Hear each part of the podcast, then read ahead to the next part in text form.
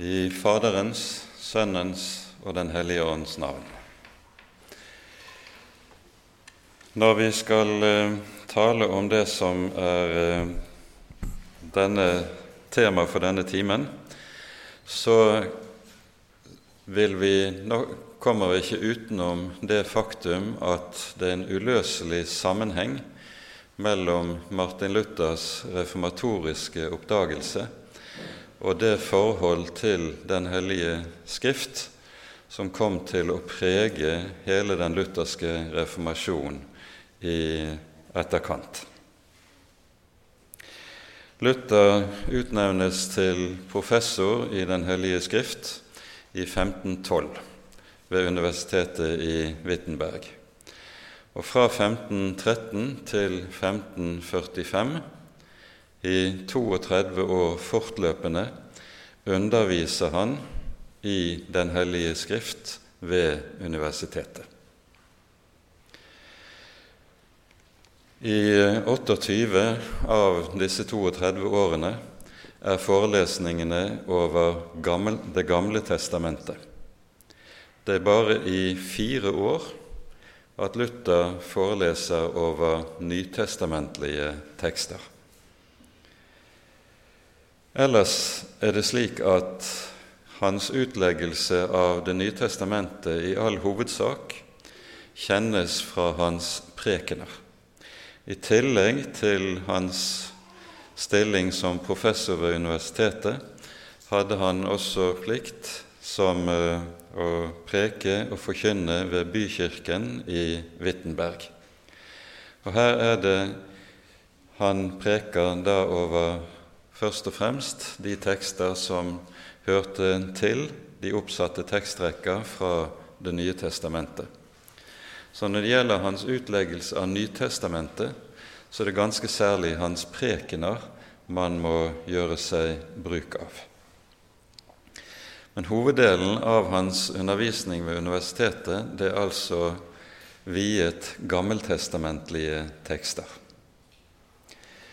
Luther utgir aldri noen dogmatikk, eh, slik som eh, du finner det tradisjonelt i middelalderen. Thomas utgir sin Summa, og i den lutherske ortodoksi hører vi hvordan de store ortodokse lærefedrene alle utgir sine systematiske teologier. Luther utgir aldri dette. Hans eh, produksjon vesentlig, består vesentlig altså av skriftutleggelse ved Universitetet i Wittenberg, da i tillegg til leilighetsskrifter foranlediget av den kampsituasjon som reformasjonen satte ham inn i. Og Disse leilighetsskriftene de er tallrike og omfattende, og eh, Luther kommer i ulike sammenhenger ofte inn på det grunnleggende som har med forholdet til Den hellige Skrift. Et av de mest kjente stedene når det gjelder dette, det er når eh, den første utgaven av samlede skrifter skal utgis i 1545, ett år før hans død. Da forteller han i forordet til dette om uh, sin reformatoriske oppdagelse, som altså er knyttet til arbeidet med romerbrevet. Og da er det jo særlig romerbrevet kapittel 1, vers 16 og 17 det handler om. Og han forteller om hvorledes det er at når betydningen av Romane 1, 17, av ordet Guds rettferdighet, går opp for ham, at dette er en rettferdighet som Gud gir og skjenker synderen, slik at han får Guds rettferdighet gitt som gave. Da var det, sier han, som om hele Skriften viste meg et annet ansikt. Det er altså slik at selve det at han fikk lys inn i eh, hva evangeliet dreier seg om, det kastet et helt nytt lys over hele Den hellige Skrift. Slik sier Luther det. Og I en annen sammenheng, i en av sine bordtaler i eh, enten 1542 eller 43, taler han om samme sak og knytter det da til at nettopp denne oppdagelsen gjør at han får lys over den grunnleggende forskjell over lov og evangelium. Og Dette gir altså et helt nytt lys over Den hellige Skrift. Dette innebærer at hele reformasjonen ikke bare handler om en oppdagelse av det grunnleggende som har med spørsmålet om hvordan et menneske blir frelst Hva er det som holder den dagen jeg skal inn for Guds domstol og svare for mitt liv? Hva har jeg da å møte min Gud med? Læren om rettferdiggjørelsen gir samvittigheten fred nettopp med tanke på dette spørsmålet. Men saken er jo at samtidig får dette betydning for hele forholdet til Skriften, der Luthers eh, reformatoriske oppdagelse betyr et radikalt oppbrudd fra hele middelalderen sin måte å tenke om og forholde seg til Den hellige Skrift. Og Her er det en rekke forhold som vi bør stanse opp for og se nærmere på.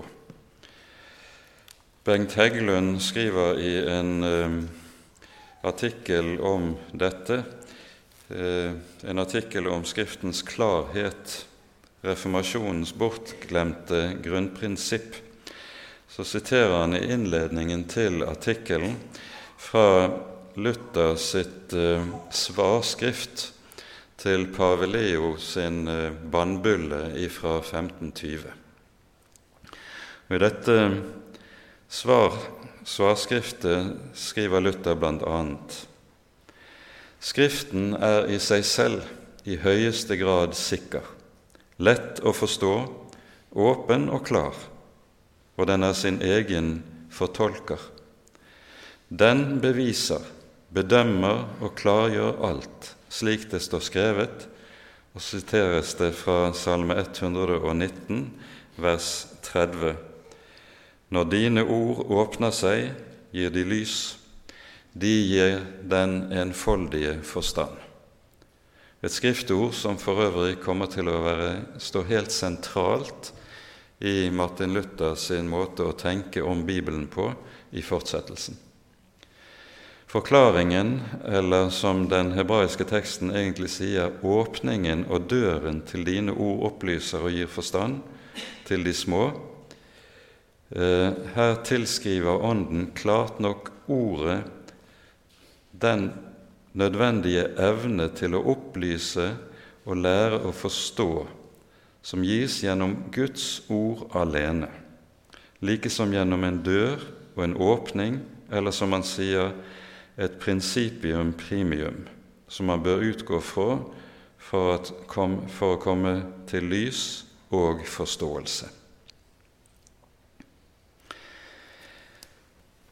Det som Luther gjør med dette, det er at han setter Skriftens autoritet opp mot Kirkens autoritet. Og Dette er det første som vi skal notere oss når vi taler om det nye forhold som reformasjonen gir i forhold til Skriften. det vi kaller for skriftprinsippet, Skriften alene, det er først og fremst et kirkekritisk prinsipp. Luther kommer tilbake til ved en rekke anledninger at noe av det som ofte har voldt han anfektelse og vansker, det er når han får høre spørsmålet er det du alene som vet sannheten. Alle kirkefedre sier noe ganske annet. Kirken og dens konsiler sier noe ganske annet. Er det du alene som har greie på saken? Og i sine slike anfektelser så forteller Luther at dette kan volde ham store vansker inntil han på ny henter trøst og frimodighet fra Skriften og reiser seg som en klippe mot bølgene som bruser. Skriften er det som gir han frimodighet. Og eh, han kan jo ganske frimodig si da når han er i det hjørnet Hva bryr jeg meg om hvor mange de er, alle de som tar feil?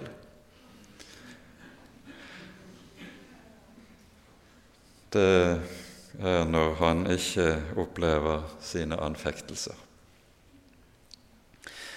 Men poenget er altså dette at når Skriften står der som kirkekritisk prinsipp, så har du disse to størrelser som står overfor andre.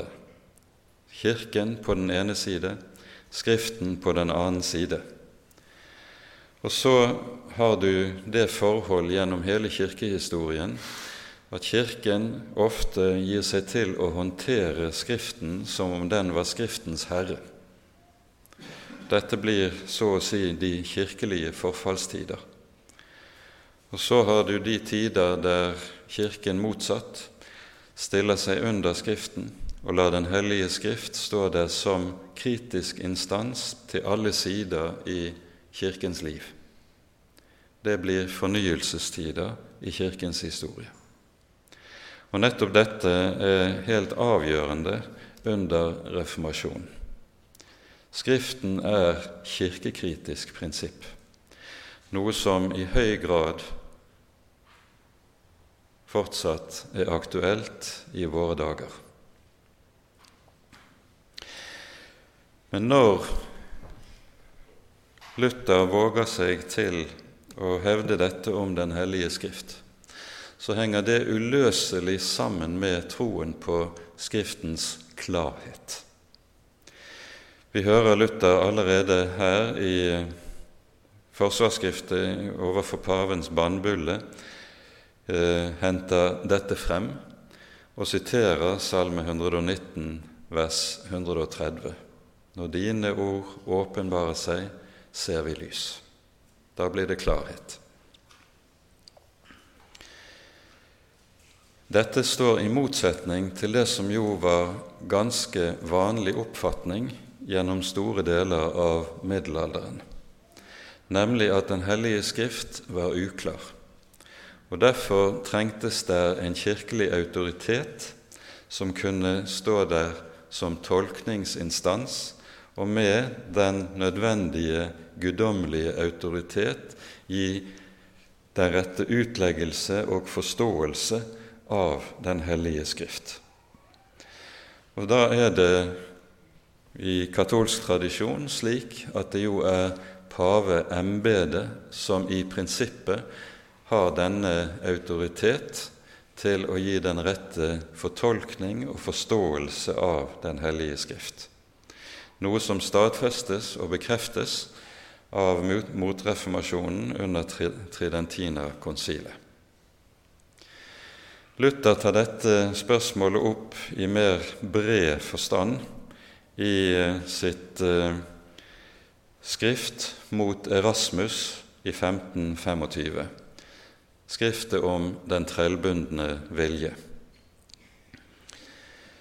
Erasmus hadde jo skrevet et eh, stridsskrift mot Luther året før, i 1524, som hadde fått overskriften eller tittelen om den frie vilje. Og så skrider Luther til verket og forfatter dette som i hans egen munn blir et av hans viktigste skrifter. Knut har for øvrig skrevet sin doktoravhandling om dette, og det var kanskje han som burde hatt denne timen. Men nå står nå en gang jeg her. Ehm, når eh, Erasmus argumenterer mot Luther, så er et av hans hovedargument nettopp dette at han hevder at Den hellige skrift er uklar. Den er dunkel, og derfor trengs det en autoritativ instans. Eh, Erasmus har selv også forut for eh, utgivelsen av om, hans skrift om den frie vilje utgitt en hermeneutikk, en tolkningslære, der han nettopp hevder dette at Den hellige skrift er uklar. Så griper også Erasmus til det som var noe av middelalderens eh, måte å forholde seg til Skriften på, nemlig han viser til den allegoriske fortolkningsmetoden som den høyeste kunst når det gjelder hvordan en skal forstå Skriften. Skriften er egentlig dunkel og ubegripelig etter sin bokstavelige mening, den høyeste kunst, hvis en skal forstå Skriften, det er den allegoriske metode. Eh, bak dette ligger middelalderens tolkningstradisjon, der man taler om den firfoldige måten å utlegge Bibelen på, som kalles for kvadriga. Det vi ser Luther gjøre, det er at han bryter med hele denne tolkningstradisjonen, og ikke minst forkaster han prinsipielt den allegoriske fortolkningsmetoden. Allegorien har det med seg at den bygger på eh, en platonisk tenkemåte. Hos Platon møter jo du dette skillet mellom den bokstavelige fysiske verden og den ideelle åndelige verden. Den fysiske verden er en skyggeverden, den åndelige verden er den egentlige lysverden. På tilsvarende måte så er det også med forholdet til Skriften. Skriften er etter sin bokstavelige fysiske eh, ordlyd så å si skyggefull og dunkel, Derfor må man komme med en åndelig fortolkning til Skriften som så å si peker på hva som er den bakenforliggende eller underliggende mening. Så det er Platons skille mellom eh, materie og ideer som ligger i bunnen under den allegoriske tolkningsmetoden. Og Denne får jo rom i Kirken først gjennom Origenes, og så senere tar også Augustin denne i bruk i en del sammenhenger. Så selv om Luther ofte lærer og har uhyre meget å takke Augustin for, så er han på dette området kritisk. Det som Luther i stedet kommer til å pukke på, det er Skriftens bokstavelige, grammatiske eller historiske mening og betydning.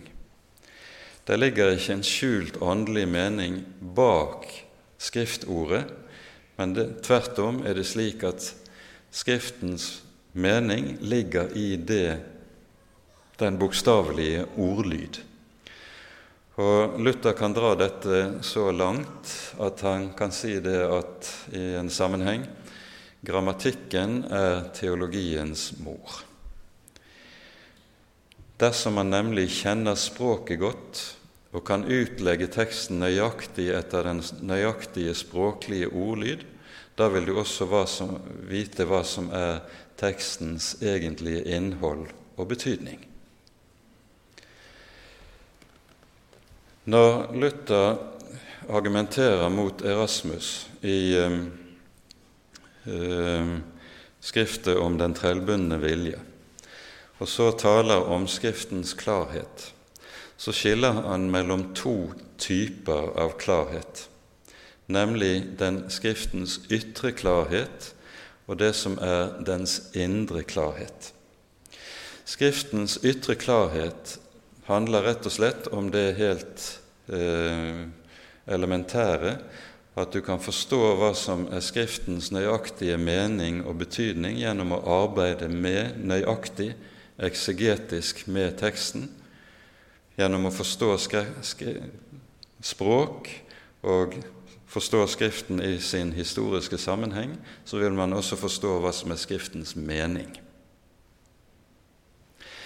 Når han taler om Skriftens indre klarhet, så taler han om den forståelse som det gjenfødte mennesket har av Skriften, og som gir lys i hjertet, som føder på ny, og som gir den forståelsen av evangeliet som troen handler om. Den indre klarhet er ikke noen annet enn den ytre klarhet. Men disse to er dypest sett ett, men den indre klarhet har det med seg at det er troen som griper dette og skaper lys i et menneskes liv og et menneskes hjerte. Dine, når dine ord åpner seg, gir de lys. Det er poenget i dette.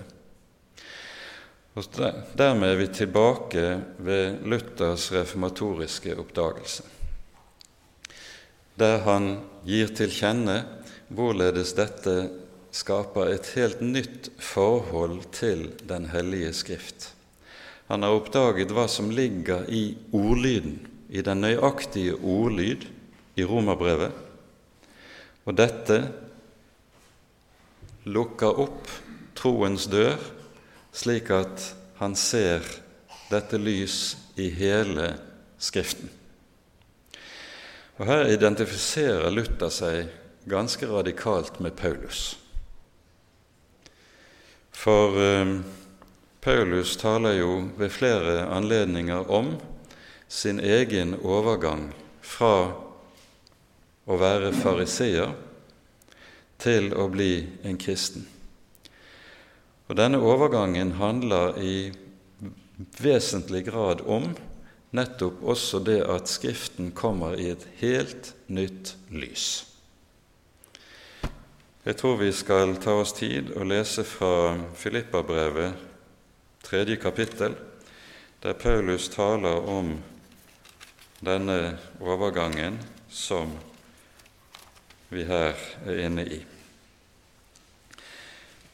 I begynnelsen av kapittel 3 i Filippabrevet taler Paulus om sin sitt liv og sin vandring som fariseer. Han sier, skjønt jeg har det jeg kunne sette min lit til kjød, i kjød, om noen annen mener seg å kunne sette sin lit til kjød, da kan jeg det enn mer. Jeg er omskåret på den åttende dag, jeg er av Israels ett og av Benjamins stamme, en hebreer, født av hebreer i forhold til loven en fariseer, i nidkjærhet en forfølger av menigheten, i rettferdighet etter loven ulastelig. Men det som var meg en vinning, det har jeg for Kristi skyld aktet som tap. Ja, jeg akter i sannhet alt for tap, fordi kunnskapen om Kristus Jesus min Herre er så meget mere verd.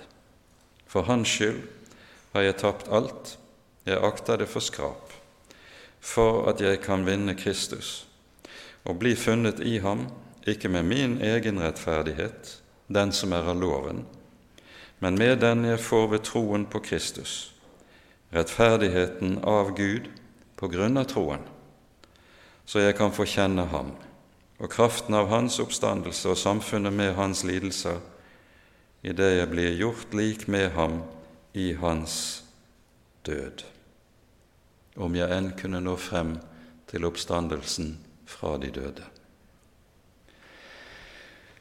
Det vi hører her, det er hva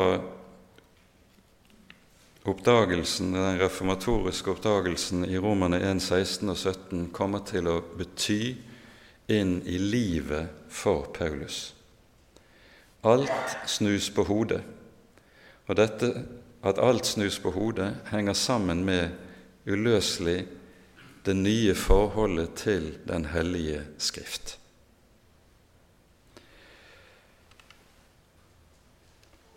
Vi har tilsvarende i Lukasevangeliet, det siste kapittel, hvordan vi først etter fortellingen om Emmausvandrerne hører om Jesus som etter oppstandelsen møter disiplene, og så sies det der da opplot han deres forstand, så de kunne forstå Skriftene. Saken er jo den at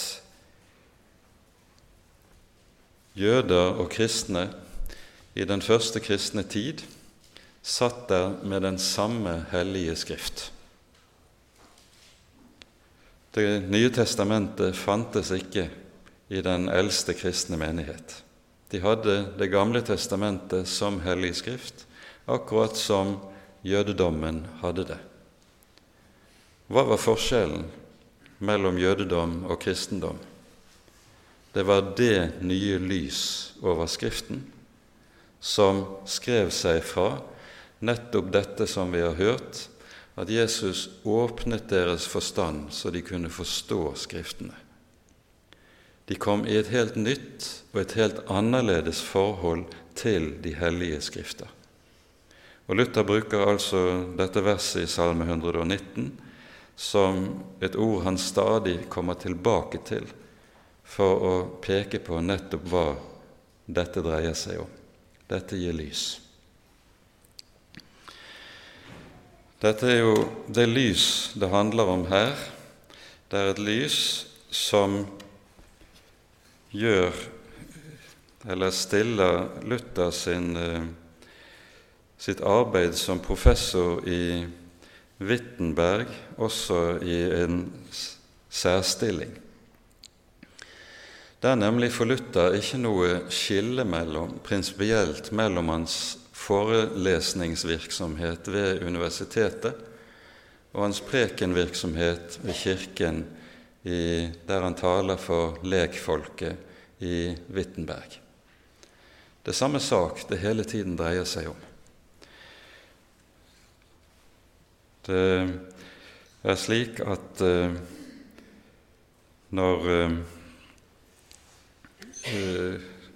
Luther utgir sitt første reformatoriske skrift på ettervinteren i 1518, så bærer dette overskriften 'For undersøkelse av sannheten og trøst for den anfektede samvittighet'. Foredragsvirksomheten og forelesningsvirksomheten ved fakultetet handlet om å føre studentene inn i sannheten i Den hellige Skrift. Men dette var aldri atskilt fra det sjelesørgeriske siktet, til trøst for den anfektede samvittighet. For det var dette hele den reformatoriske oppdagelse handlet om. Det var ikke en akademisk øvelse, et, noe som i akademia kalles for et paradigmeskifte. Sannelig var dette et paradigmeskifte, men det handlet hele tiden om dette ene grunnleggende, at dette nye lys i Skriften, det er det som er trøsten for den anfektede samvittighet. Og Derfor kan hele Luthers virksomhet ses under dette sjelesørgeriske siktet. Det sies jo også uttrykkelig i eh, Confessio Augustana at hele denne lære kan ikke forstås uten kampen i den anfektede samvittighet. Det er der hvor en har opplevd anfektelsen under Guds vrede, under Guds dom, under lovens anklage. Det er der samvittigheten også kan gripe hemmeligheten i evangeliet og det lyset i Skriften som evangeliet bærer i seg og med seg.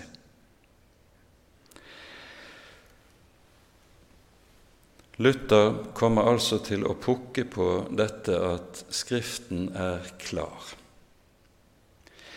Men denne klarhet er en klarhet som alltid vil bli anfektet. Og dette er han også meget oppmerksom på. For om Skriften kan fortone seg uklar, så henger det ikke sammen med at det er noen uklarhet i Skriften, men det henger sammen med at vår forstand er uklar. Som vi var inne på i går i forbindelse med bibeltimen om Peter. Jesus sier til ham, 'Du har ikke sans for det som hører Gud til, bare for det som hører mennesket til.' Luther sin skriftforståelse henger uløselig sammen med hans antropologi, hans lære om mennesket. Problemet i forhold til Skriften er ikke at Skriften er uklar, for Den hellige ånd taler ikke i tåketale.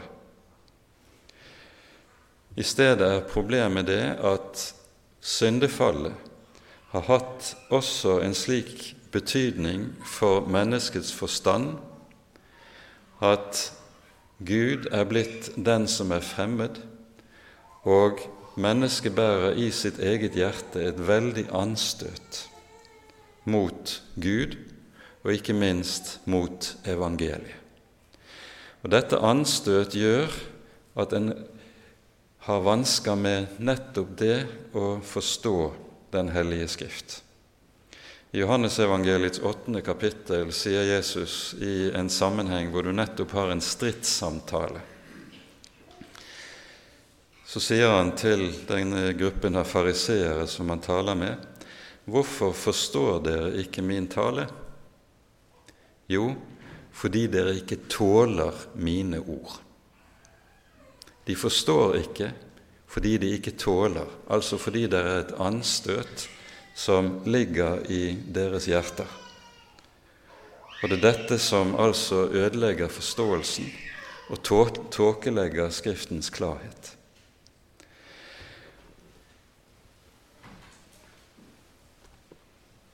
Dette er det, derfor det det dreier seg om, at for at Skriftens klarhet virkelig skal stå der, så er det nødvendig at du også når frem til det vi kaller for en indre klarhet. Da forstår en det som faktisk er Skriftens budskap i dens bokstavelige forstand.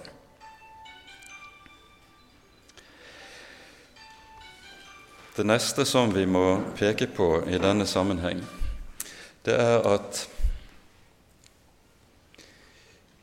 lov og evangelium kommer til å få betydning i arbeidet med Den hellige Skrift som tolkningsnøkkel til Skriften. Dette gir seg ut fra, på, igjen ut fra eh, forståelsen, den nye forståelsen av Romerbrevet 1, 16 og 17. Og Dette sies jo ende frem og like ut i Konkordieformelen i artikkel 5. Der sies det i innledningen til denne vi tror, lærer og bekjenner at forskjellen mellom lov og evangelium er et særlig herlig lys som tjener til at de hellige skrifter blir rett forstått og utlagt. Her sies det altså rett ut at skal man forstå Den hellige Skrift rett, så må det nettopp skje gjennom å bruke at lov og evangelium får lov til å stå der som tolkningsnøkkel til Skriften. Og nettopp dette poenget gjør at eh, Skriften kommer i et helt annet lys, og Reformasjonen kommer til å utlegge en hel rekke sentrale tekster i vår bibel helt annerledes enn det som er tilfellet under middelalderen. Kanskje vi kunne være frimodige og hente frem et eksempel på dette. I eh, Matteusevangeliets 19. kapittel hører vi fortellingen om den rike unge mann. Dette var en av de ganske sentrale tekster i middelalderens eh, tenkning rundt fattigdomsidealet. så, og sammen med eh, Matteusevangeliets tiende kapittel var eh, denne teksten eh, helt grunnleggende når det gjaldt både munkefromheten og fattigdomsidealet under middelalderen. Vi tar oss tid og leser et stykke fra Matteus 19. Der kom en til ham og sa, Mester, hva godt skal jeg gjøre for å få evig liv? Og Jesus svarer, Hvorfor spør du meg om det gode? Det fins bare én som er god. Men vil du gå inn til livet, da hold budene. Han sa til ham, Hvilke bud? Disse, sa Jesus. Du skal ikke slå i hjel, du skal ikke bryte ekteskapet, du skal ikke stjele, du skal ikke vitne falskt. Du skal hedre din far og din mor, og du skal elske din neste som deg selv. Den unge mannen sa da til ham, Alt dette har jeg holdt. Hva er det så jeg mangler? Jesus sa til ham, Vil du være fullkommen, da gå og selg alt du eier og gi det til de fattige. Så skal du få en skatt i himmelen. Kom så og følg meg. Da gikk den unge mannen bort da han hørte dette. Han gikk bedrøvet bort, for han hadde stor rikdom. Denne teksten kommer altså til å bli en sentral tekst i hele middelalderens eh, framhet. Og eh, denne middelalderframheten var jo det vi kaller for en imitatio-fromhet.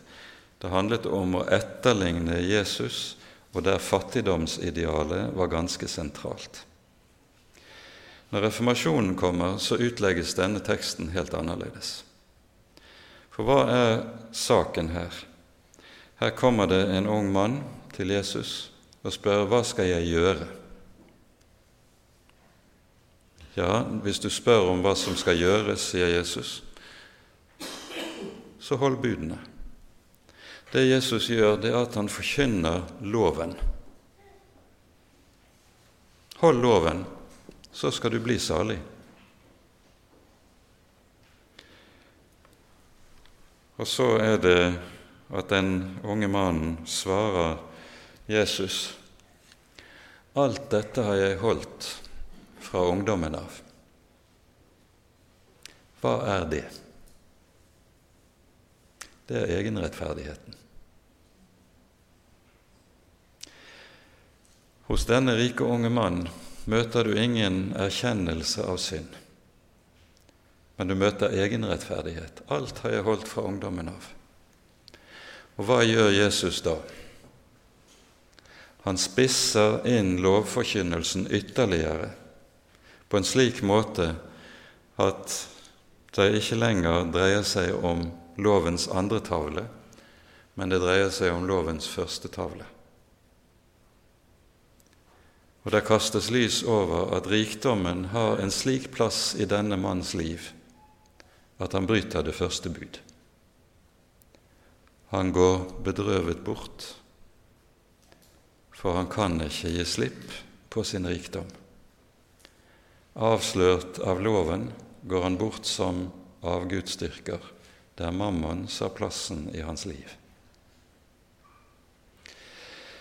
I Jesu munn og i reformasjonen så møter du ikke dette fattigdomsidealet som er under middelalderen. I stedet er det slik at her forstås teksten nettopp som en forkynnelse av loven, fordi loven har én oppgave, nemlig å avsløre menneskets synd og ødelegge og bryte ned menneskets egenrettferdighet. Når disiplene i etterkant av dette forferdes over Jesu ord, når han fortsetter med å si hvor vanskelig det vil være for de rike å komme inn i Guds rike. Og disiplene svarer, 'Hvem kan da bli frelst?' Så svarer Jesus, 'For mennesker er det umulig, men for Gud' er alt mulig.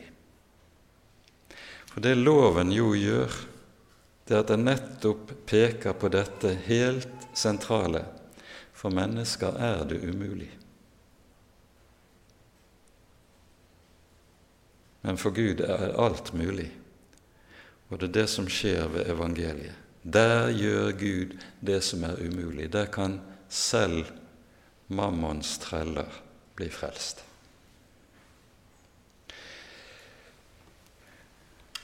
Her ser vi hvordan lov og evangelium gir en helt annen lys over en bestemt bibeltekst enn det som var gangbart under middelalderens måte å tenke på om disse ting. Og Dette er noe som ikke bare kommer til å gjelde enkelttekster i Skriften, men til å gjelde hele Den hellige Skrift.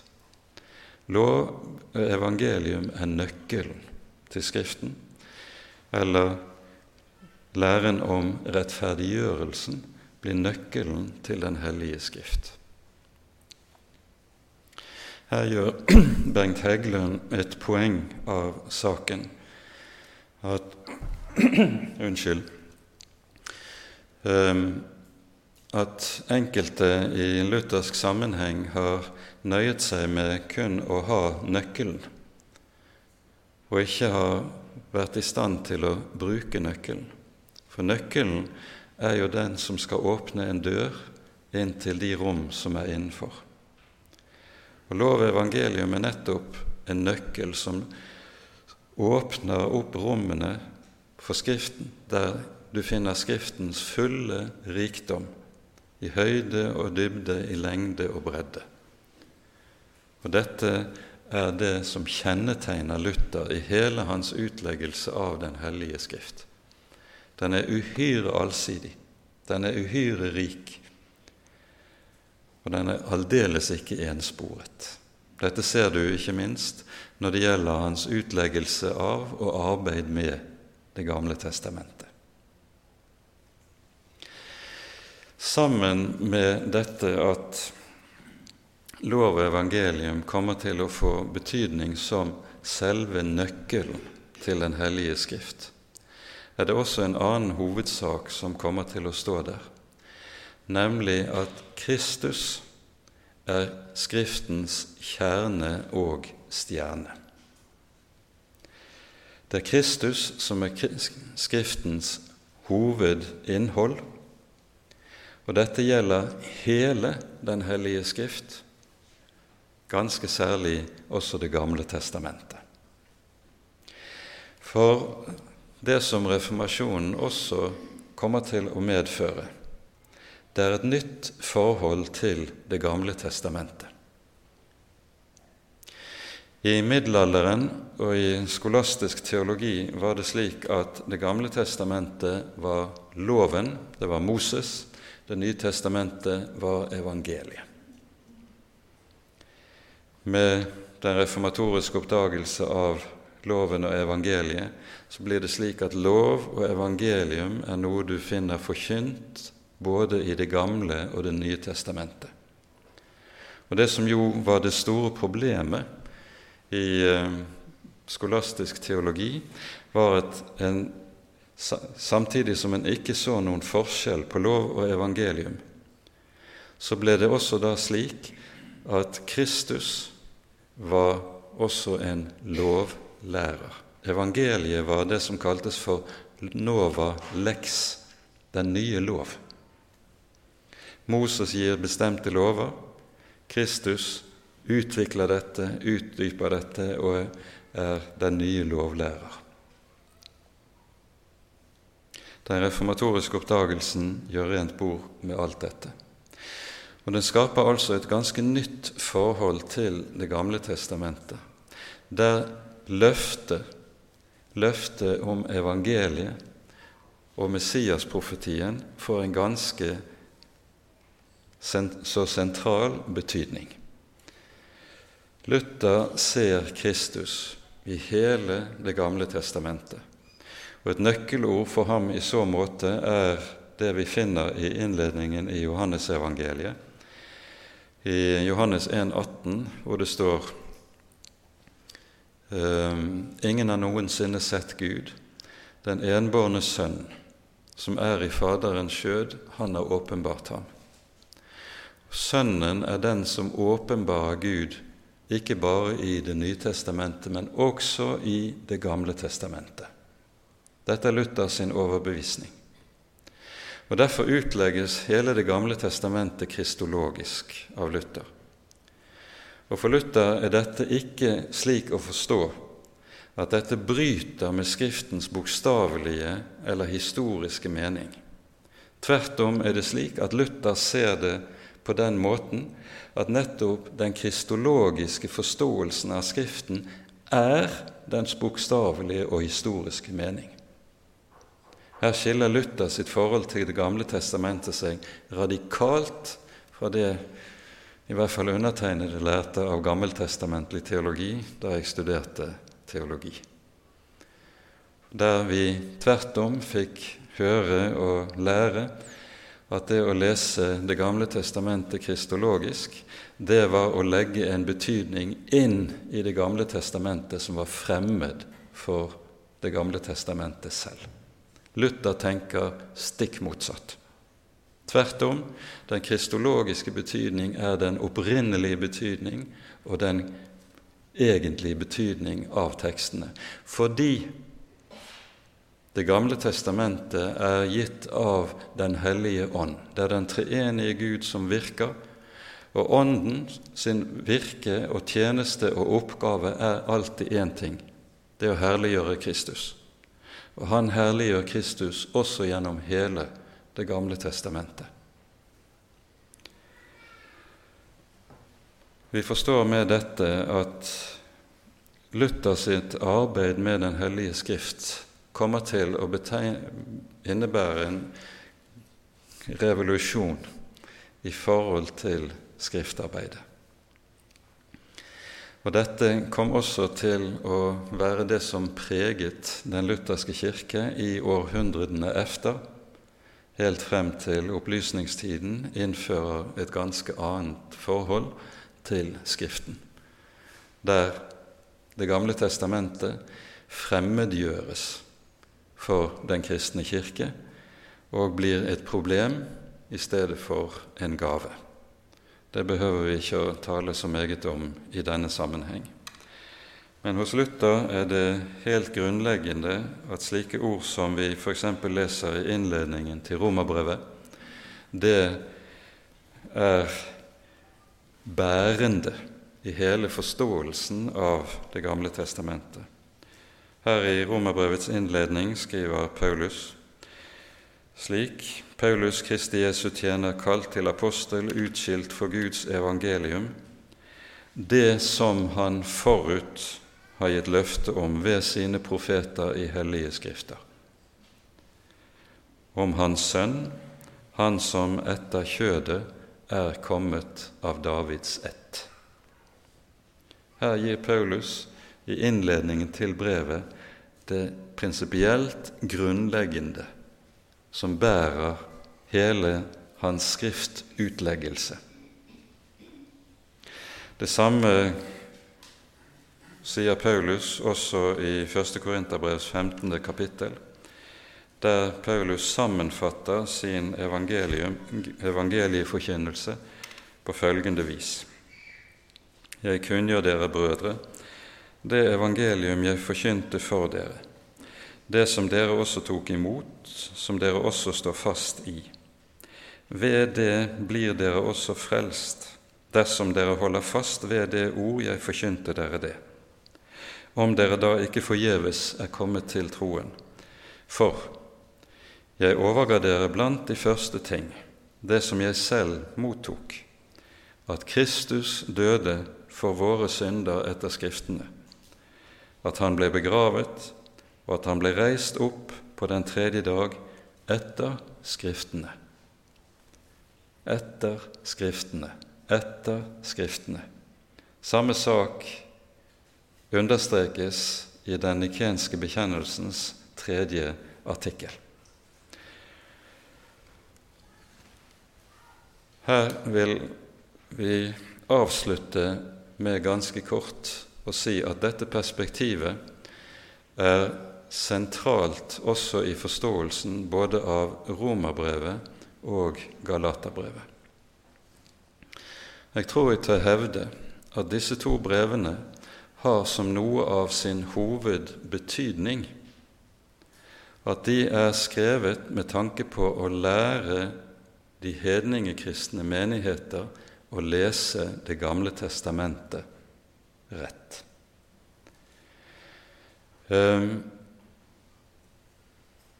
vi pleier å gjerne si at hovedhensikten både i Romerbrevet og Galaterbrevet er å undervise menighetene om rettferdiggjørelsen av troen for Jesu Kristi skyld.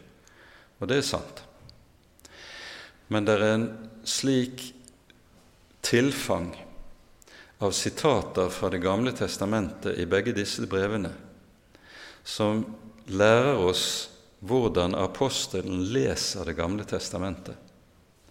Og Derfor tror jeg vi med full rett kan si at både Galaterbrevet og Romerbrevet samtidig er skrifter der Paulus gir oss en hermeneutisk nøkkel til Det gamle testamentet, en tolkningsnøkkel til hvordan vi skal lese og forstå Det gamle testamentet rett. Bakom dette ligger det vi hører i Lukasevangeliets 24. kapittel, som vi allerede har sitert. Da åpnet Jesus deres forstand, så de kunne forstå Skriftene. Det er nøyaktig samme sak Paulus er opptatt med i disse brevene. Og så er det den kristne bibel. Det blir en ny bibel, så å si, i og med den reformatoriske oppdagelsen av hva rettferdiggjørelsen dreier seg om. Og Med det setter vi punktum for denne timen. Ære være Faderen og Sønnen og Den hellige ånd, som var og er og være skal, en sann Gud, høylovet i evighet. Amen.